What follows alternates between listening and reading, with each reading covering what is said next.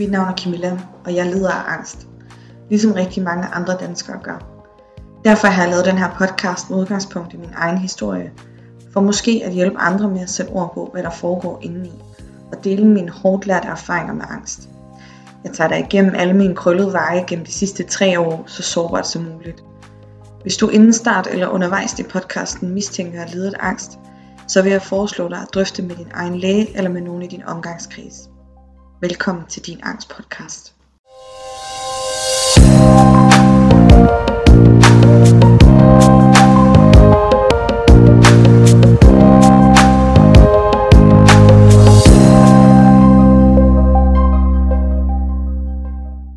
Og velkommen til andet afsnit i den her podcast, din angstpodcast. Og dagens afsnit kommer til at hedde Angstens ensomhed. Og vi slap egentlig sidste gang, eller sidste afsnit ved, at jeg var blevet sluppet af min læge, og jeg havde fået en frivillig abort, og jeg stod og skulle flytte til København for at starte på mit kandidatstudie. Øh, så for at hoppe tilbage i historien, så er vi nu i efteråret 2019, og jeg skulle til København. Jeg flytter ind på et værelse i Nordhavn, et meget smukt sted med rolige omgivelser. Og indeni, der var der bare kaos.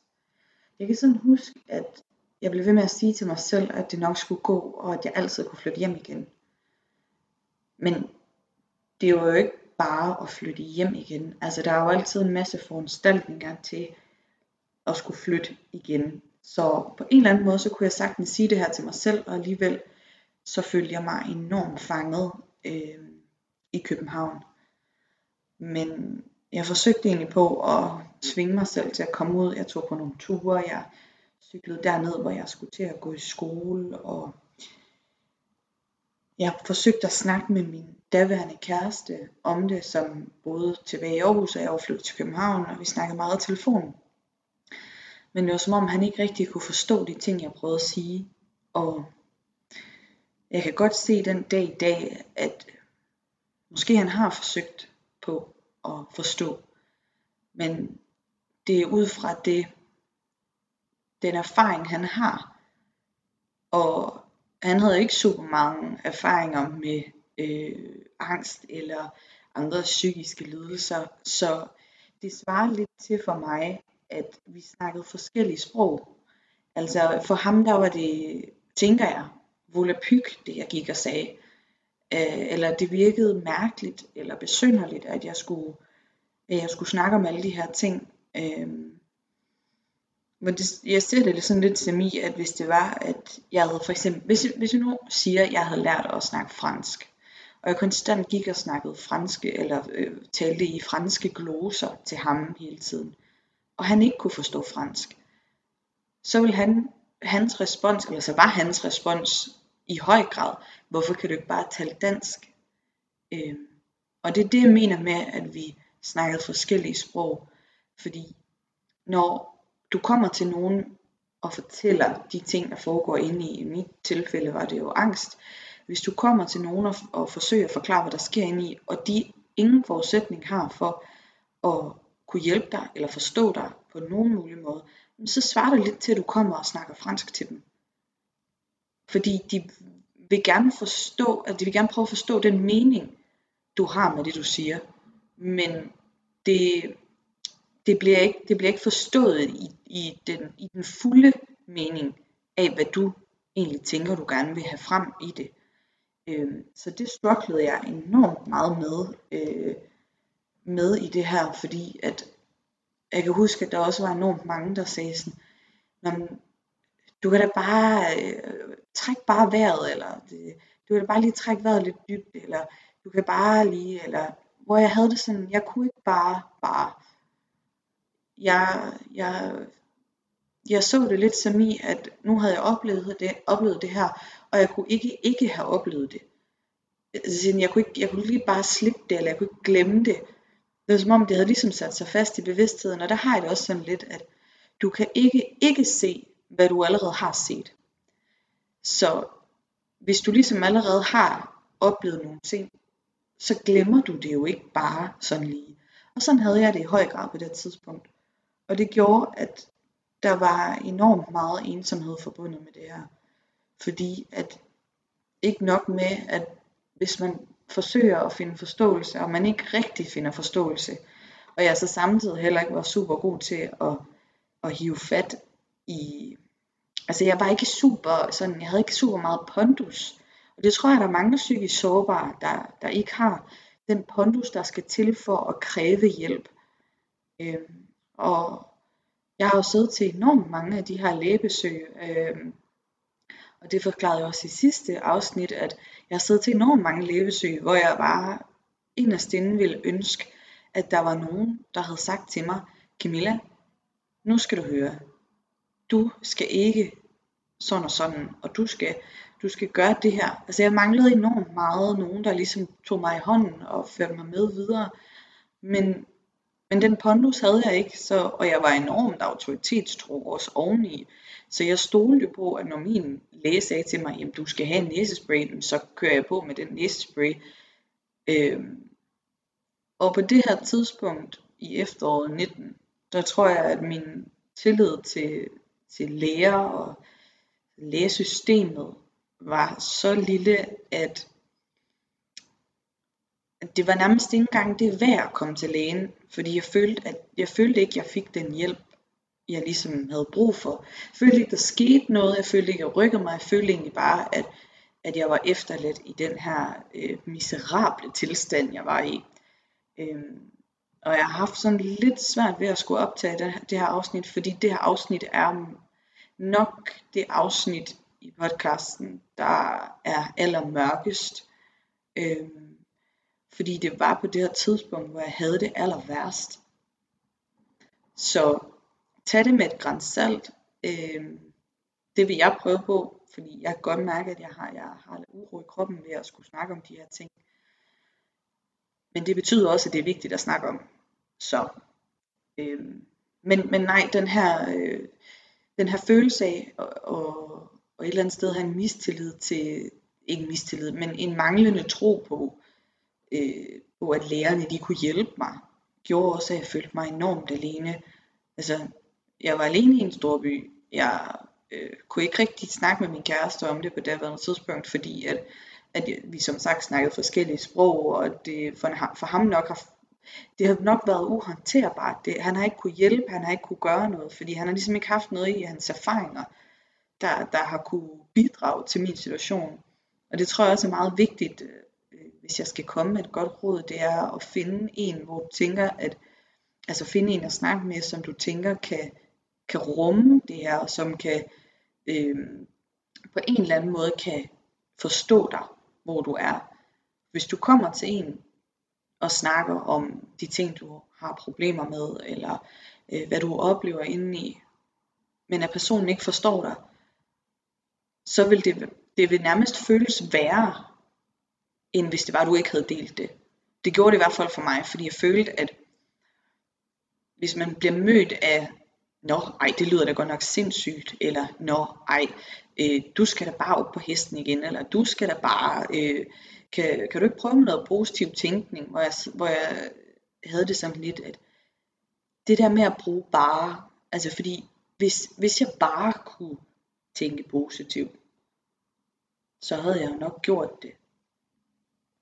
Øhm, og det kan også sagtens være, at der er mange af de her strategier, som folk har kommet med undervejs, som, som ville have hjulpet, hvis det var, at jeg måske havde taget det med i opløb, opløbet og var, blevet, altså, var bedre til at, at aflæse min krops signaler og være bevidst om, hvad der, hvad der skete. Men det var jeg ikke, så nu var jeg lige pludselig her og alene i København og var enormt ensom, fordi jeg ikke kunne, jeg kunne ikke komme til nogen med noget, og det virkede, det virkede uoverskueligt at begynde at forklare nogen det jeg gennemgik, eller det jeg oplevede fordi jeg også måske havde en forudindtagethed om, at de ikke ville forstå det. Altså, det, var mig, det var mig, der, der var noget galt med. Det var mig, der oplevede noget, noget afvigende fra, hvad der, hvad der er normalt. Så jeg ville heller ikke selv, sætte mig selv i et lys af at virke underlig, eller virke som om, at nu var den da helt galt, eller nu var den skrueløs. Så der tror jeg, jeg passede enormt meget på. Øhm, og når jeg sådan ser tilbage, så skulle jeg ikke have været flyttet til København. Altså jeg er glad den dag i dag for, at jeg fik min, min, øh, min kandidat og så videre, og at jeg fik oplevelsen af at bo i København, fordi København er en mega smuk by. Men på det tidspunkt skulle jeg ikke have været i København. Jeg skulle ikke have været så meget alene. Jeg skulle ikke have siddet så meget med mine egne tanker. Jeg skulle ikke jeg skulle have fået noget hjælp. Jeg skulle have været blevet i Aarhus, hvor der var nogen, der kunne gribe mig øh, og hjælpe mig med det, jeg gennemgik. Men jeg tror også samtidig med, at jeg havde sådan en coping-mekanisme i, øh, i at komme videre og blive ved med at, sådan, at holde fast i den der tro om, at ej, vi skal ikke dvæle ved noget, og okay, nu er det sådan her, det er, og så må vi også se, om vi ikke kan komme hen over det. Jeg gjorde en masse ting for ligesom at forsøge at komme videre fra den her tilstand. Jeg husker, jeg styrketrænede enormt meget, det har sådan set øh, gjort i ja, rigtig mange år, og det var ligesom min eneste kontrollerbare øh, adfærd. Altså sådan, det eneste, jeg kunne kontrollere, det var, den, det var min styrketræning og alt andet sejlede. Jeg kunne ikke det føltes som om, jeg ikke kunne kontrollere mine tanker og min, min øh, indre fornemmelse eller mine fysiske symptomer. Men det at tage ned og træne kunne på en eller anden måde virke for mig. Øh, og det gav også en følelse af, at jeg på en eller anden måde stadigvæk holdt fast i noget, som, som jeg altid har haft og altid har gjort. Øhm, så det var egentlig meget paradoxalt øh, på den måde. Men i hvert fald så starter jeg på studie i København, og hvilket jeg tror alle, der har startet studie på et tidspunkt, godt ved, hvor energikrævende det er at starte på studie. Øh, og man bruger enormt meget energi på egentlig at præsentere sig selv i det bedste lys og på bedst mulig vis, for at, at, at andre ser den bedste version af en selv. Og det forsøgte jeg også på, men jeg var jo, jeg havde det jo ikke på bedst mulig vis. Så det var enormt. Så jeg selvfølgelig virkelig jeg løg over for, for mine nye medstuderende, og egentlig også for mig selv i, at, ja, at jeg var flyttet til København, og havde sådan bildt mig selv ind, at nu skulle det nok gå, og nu skulle jeg få nogle nye venner, og nu, altså, nu var der virkelig en, en, et vendepunkt. Men det var bare slet ikke sådan tilfældet var. Og jeg føler også den dag i dag, at jeg løj over for mig selv, at jeg sådan blev ved med at bilde mig selv ind, at men det hele er normalt, det skal nok gå. Det er jo virkelig sådan en, en benægtelses, eller en benægtelsestilstand, øh, føler jeg. Øh, fordi jeg fik det jo værre, og jeg havde ikke nogen at snakke med det om, og jeg var ligesom isoleret med mine egne tanker i et 14 kvadratmeters værelse i, på Nordhavn i København. Øh, det er jo en kæmpe storby, som man ikke kan finde ud, rundt i, uden at man, man har en GPS. Altså, så den, det, det er måske en meget fin metafor på, hvordan jeg havde det på det tidspunkt. Jeg kunne ikke finde rundt i København uden en GPS, og jeg kunne ikke finde rundt inde i mig selv heller. Så det er måske nok den bedste metafor, jeg har på det. Øhm. Men som sagt, jeg fik det værre, og jeg kunne ikke rigtig mærke mig selv altså min identitet. Jeg kunne, kunne kun mærke fysiske symptomer. Jeg kunne mærke, at jeg var bange. Jeg kunne mærke, at jeg havde uro og tankemøller.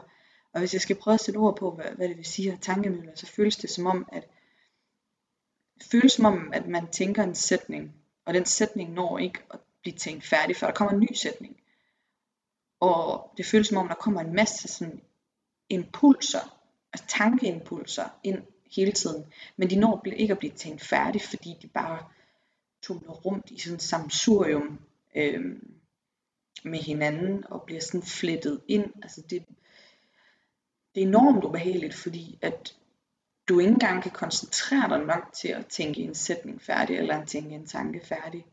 Og det bare føles som om det kører i 20 forskellige spor, der fletter ind over hinanden, og som bare fuldstændig, det føles ukontrollerbart. Øhm, så der var ret mange af de her symptomer, der, der ligesom fyldte igennem hele min dag, og jeg følte mig rigtig meget kogt ned til min til mine symptomer og til til de her tanker, jeg nu havde. Øhm, og på det her tidspunkt, der gik det også virkelig meget ud over min søvn. Fordi at når man så ligger, det tror jeg de fleste kender, når man så ligger der, og man ligger og tænker, så ligger man også og tænker, okay, nu bliver jeg nødt til at sove, for altså, jeg skal op til forelæsning i morgen, jeg skal op på arbejde i morgen til klokken 8. Og så ligger man der i rigtig lang tid. Og jeg kan bare huske, det første jeg havde meget tankemøller, men jeg kunne bare ikke sove. Altså jeg var så bange. Altså det er som om det, min krop skælvede nærmest helt. Øhm, og det er som om den der frygt, den, den skælvede sådan ind, eller den sådan bølgede ind over mig. Så det var enormt svært et eller andet sted at finde ro, fordi det blev bare ved med at skylle ind over mig. Og jeg forsøgte på altså, sindssygt mange ting for at finde ro.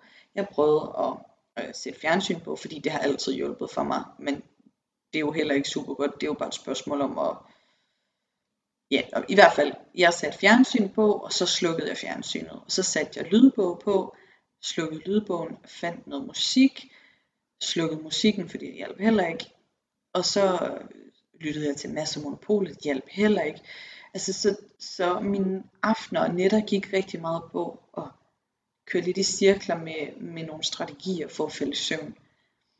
Øhm, men det kunne jeg bare ikke. Så jeg var, øh, jeg var virkelig presset i den periode. Øh. og så i efteråret altså lidt senere i efteråret 2019, der skriver jeg i der skriver jeg noter til et lægebesøg, og her skriver jeg, at jeg har fået en øh, altså hjertebanken og uro og tankemøller og svimmelhed, som jeg har snakket meget om, at jeg lige pludselig også døjer med sådan en kvælende fornemmelse i halsen. Jeg har kvalme, jeg har trykken for ørerne, jeg har jeg, jeg havde ingen appetit, jeg tror jeg tabte mig, det ved jeg ikke, 5 kilo på ingen tid nærmest havde uvirkelighedsfornemmelse, jeg havde sådan sløret syn, jeg havde sådan panikfølelse, sådan en, øh, sådan en vejrtrækning, jeg havde meget sådan overfladisk vejrtrækning. Trykken på brystet, jeg havde prikken, prikkende fornemmelser ude i kroppen, sådan lidt ligesom når ens krop sover, eller du ved, du, du har en fod, der sover. Sådan den der prikkende fornemmelse. Og jeg kunne slet ikke regulere mine følelser ind i det der det var som om mine følelser, de var sat sådan lidt på standby. En, altså alle andre følelser end frygt. Fordi frygt bare, det var som om det var det eneste, der var. Det var et spørgsmål om, om der var nogle dage, der var, der var, der, hvor frygten fyldte mindre end andre. Øh, eller der var en time, hvor frygten fyldte mere end de andre timer. Og jeg kan huske, at jeg, da jeg gik på studie, der, var ofte, hvis jeg for eksempel gik på gangen, eller skulle præsentere i klassen, eller skulle bare sidde i klassen til forelæsning, så kunne jeg simpelthen jeg kunne få følelsen af både skulle besvime og kaste op, og øh, ja, det hele på én gang. Altså, selvfølgelig det hele det sejlede, og jeg fik en virkelighedsfornemmelse, og det var bare sindssygt skræmmende. Mm. Og jeg fik det simpelthen sådan på et tidspunkt, at jeg sagde flere gange til mig selv, hvis det skal være på de her vilkår, jeg skal leve, så slet ikke lyst til at leve.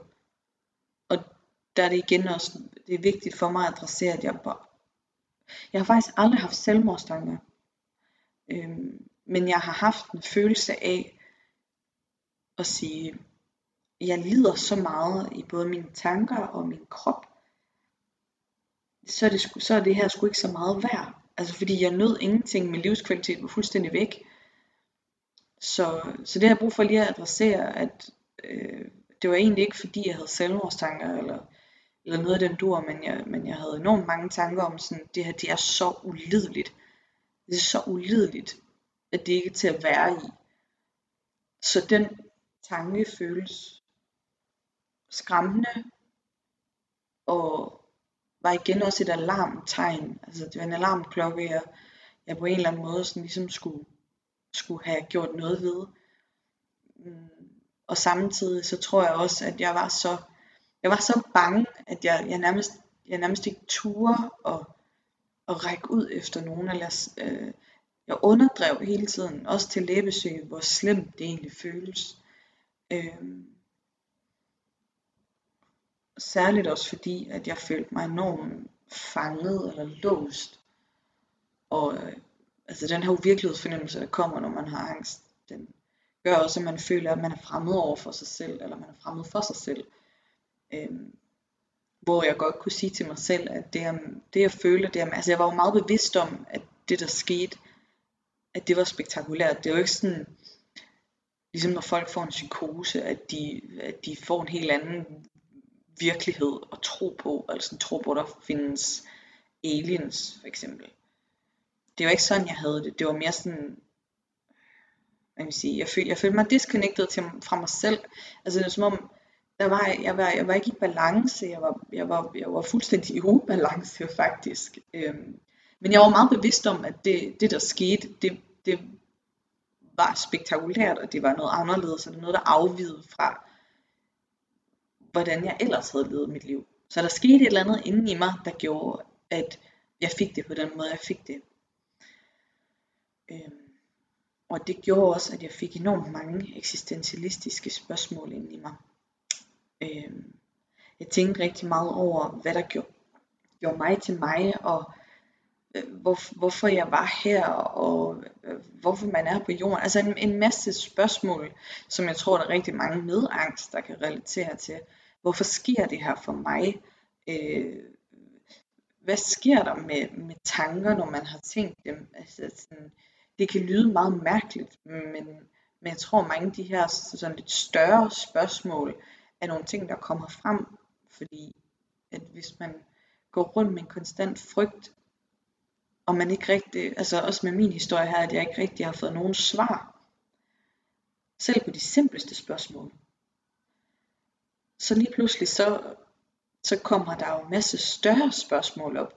Fordi hvis jeg går med, med nogle meget konkrete spørgsmål, og ingen svar får, okay, så bliver spørgsmålene lidt større, og det får jeg heller ikke svar på. Og lige pludselig så bliver de store, fordi hvis jeg ikke engang kan få svar på det, det, det meget konkrete og simple spørgsmål, jamen, hvad kan jeg så få svar på? Så kan jeg jo ikke få svar på noget. Og så bliver det hele meget sådan eksistentialistisk på en eller anden måde, eller eksistentielt. Øhm, og det i sig selv er jo også skræmmende, men jeg tror, der er rigtig mange af os, der på et eller andet tidspunkt i vores liv har stillet nogle lidt større filosofiske spørgsmål. Øhm, og det er jo noget, jeg godt kan se tilbage på den dag i dag, at når så mærkeligt er det heller ikke at stille de her spørgsmål. Det var mere i kontekst af, at der var en masse andre ting, der også dukkede op, og en masse andre ting, der ligesom også fyldte enormt meget på det her tidspunkt. Så det er bare for at sige, hvis du sidder derude og lider angst og har eksistentielle spørgsmål, eller eksistentiel angst, så, så tror jeg på, at det er meget, bruger ordet normalt, men jeg tror det er meget øh, sigende i forhold til, til det, der sker inde i en, at man sætter enormt mange spørgsmål, og hvis man ikke får svar på de spørgsmål, jamen så så stiller man større spørgsmål, og måske også mere komplekse spørgsmål. Øh. Men ja, oven i, eller sådan, som sådan rød tråd igennem alle de her ting, det er, at det krævede enormt stor ensomhedsfølelse for mig. Og jeg kan huske, at jeg havde et enormt stort behov for egentlig at række ud efter venner og veninder. Egentlig også bekendte, altså sådan gamle relationer, som jeg måske egentlig havde sagt farvel til op i mit hoved. At på det her tidspunkt, der havde jeg brug for at vide, at de stadigvæk var der. Øhm, og det tror jeg for mig var en, en sikkerhedsforanstaltning om, at hvis det var, at jeg havde brug for nogen, så var de der. Så jeg havde sådan på det her tidspunkt ret stort behov for at sikre mig, at jeg havde et sikkerhedsnet. Øh, fordi at jeg helt inden, inderst inde i mig følte mig så alene om det her. Og det tror jeg egentlig også, at jeg havde svært ved at sige, hvor slemt jeg egentlig havde det til mine venner og veninder, og også til min familie. Og det har nok været mit største problem igennem hele mit forløb. Jeg har aldrig nogensinde anerkendt, hvor slemt jeg havde det.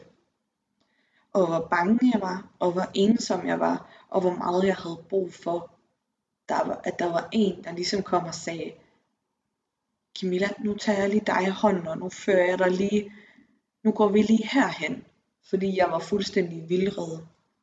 Og jeg tror også, at min stolthed var ramt.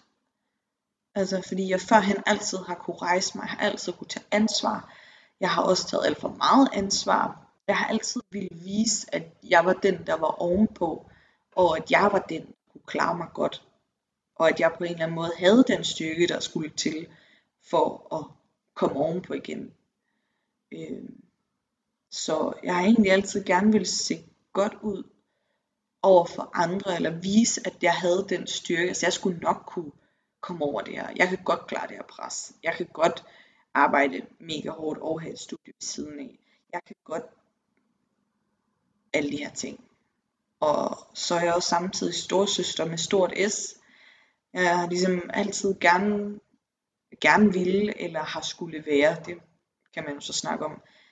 Jeg har altid gerne ville være forbillede for mine små brødre for eksempel. Jeg har altid gerne vil sætte det gode eksempel. Jeg har altid, jeg har altid gerne ville være den, der hjælper andre og havde overskud til at hjælpe andre.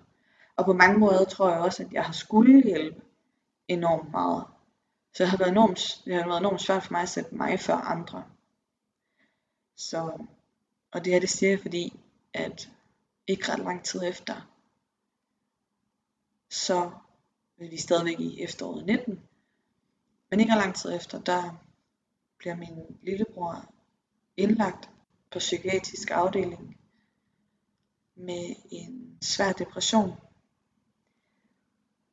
Og så sidder storesøster i København med sine egne problemer og issues, og jeg ved ikke hvad, og kæmper enormt meget selv. Og her kommer måske igen sådan det jeg snakkede om før, min største coping mekanisme, eller min største øh, fokusflyt. Altså jeg, på det tidspunkt, da min lillebror blev indlagt, der smider jeg alle mine egne problemer. Eller jeg smider dem ikke, jeg underdrev dem, og jeg skubbede dem ligesom ind under tæppet. Jeg var der for mine, begge mine forældre, jeg var der for min lillebror, jeg var der for min anden lillebror, og skubbede ligesom alt mit eget lort til side, og underdrev, når jeg snakkede med dem, og sagde, nå jamen, det går da okay, og det, det skal nok gå, og jeg har styr på det, og, og i bund og grund så havde jeg overhovedet ikke styr på det. Det var mega svært for mig på det her tidspunkt. Øhm, og jeg forsøgte enormt meget på at være frontfigur for min familie og sørge for, at de havde det godt og sørge for, at vi på en eller anden måde kom igennem det, den her tid, der var svær. Øhm, også selv hvis det krævede, at jeg underkendte mine egne problemer. Så mit råd er, lad være og gør som mig. Lad være med at underdrive dine problemer. Få hjælp og hvis ikke du, kan, du, øh, hvis ikke du føler, at du kan det med din familie, altså hvis du føler, at de her problemer nok i forvejen, at der er slet ikke plads til mig. Fordi det var der heller ikke for mig. Eller det bildte jeg i hvert fald mig selv ind. Men hvis du på en eller anden måde ikke føler, at du kan snakke med din familie, og de har nok i dem selv, så ræk ud til venner, eller veninder, eller bekendte. Og hvis du ikke kan det, så find en, der gider at lytte. Det er mit aller, aller største råd. Find en, der gider at lytte. Og lad for Guds skyld være med at gå med dem selv. Det er at jeg kan sidde og mærke, at jeg bliver sådan helt vred. Eller oprørt. Måske mere oprørt end vred. Fordi i oprørt ligger også rørt. Og det er fordi, at man er aldrig til besvær. Som jeg sagde i sidste afsnit, der er ikke noget i den her verden, der er det værd at strække sig så meget for, at det går ud over dig selv. Der er en grund til, at man altid skal tage sin egen iltmaske på, før man hjælper andre. Og det lød meget kliché, I know. Men der er sgu noget om det. Og i sidste ende, så går det kun ud over dig selv. Og hvis man sådan tager den helt langt ud, at hvis du gemmer eller pakker væk eller putter ind i vat i lang nok tid, så på et eller andet tidspunkt, så bryder du os sammen. For der er ingen mennesker, der kan holde til det her over længere tid. Og så bryder du så meget sammen, at så går det også ud over din familie. Og så går det også ud over dig selv. Så i sidste ende, så skader det mere, end det gavner at gå med det selv. Så igen, rådet er, tag fat i nogen, der gider at lytte. Og som du måske også kan fornemme, snakker samme sprog, eller på en eller anden måde kan forstå det, du kommer med. Og det var det, jeg snakkede om tidligere, at, at det, kan, det kan nærmest virke modsat, hvis det er, at du kommer til at snakke med en, der ikke forstår dig. Så. Og hvis du er helt på bare bund, og ikke aner, hvem du skal snakke med, så gå, for, ja, gå til din egen læge. Og ja, der findes også enormt mange dårlige læger derude, der ikke kan sætte sig ind i, hvordan man har det. Men måske det kan være en hjælp til at, at få næste skridt i din proces. Og måske få en henvisning til en psykolog, eller et eller andet andet. Men please ikke gå med det selv. Så. Det var det her afsnit, og jeg håber, at du kunne bruge det.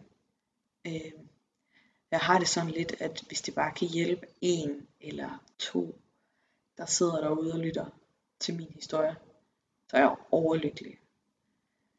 Fordi jeg vil aldrig nogensinde ønske, at der var, at der sidder nogen derude og har det på den måde, jeg havde det, og føle sig så alene. Og der er aldrig nogen, der skal føle sig alene. Hvis du føler, at du har brug for hjælp til din angst, eller hvis du føler, at der er nogen i din omgangskreds, der lider af angst, og du har brug for nogen at snakke med dig om, så som sagt enten kontakt din egen læge eller angsttelefonen. Der er også foreningen SIND eller Psykiatrifonden. Og tage en snak med dem, og de kan være super gode til at hjælpe med at sætte ord på nogle ting, eller komme med gode råd, hvis du er pårørende til en, der lider af angst. Ja, det tror det var det, jeg havde at sige i dag. Så øh, vi ses i næste afsnit, og I må have en dejlig dag.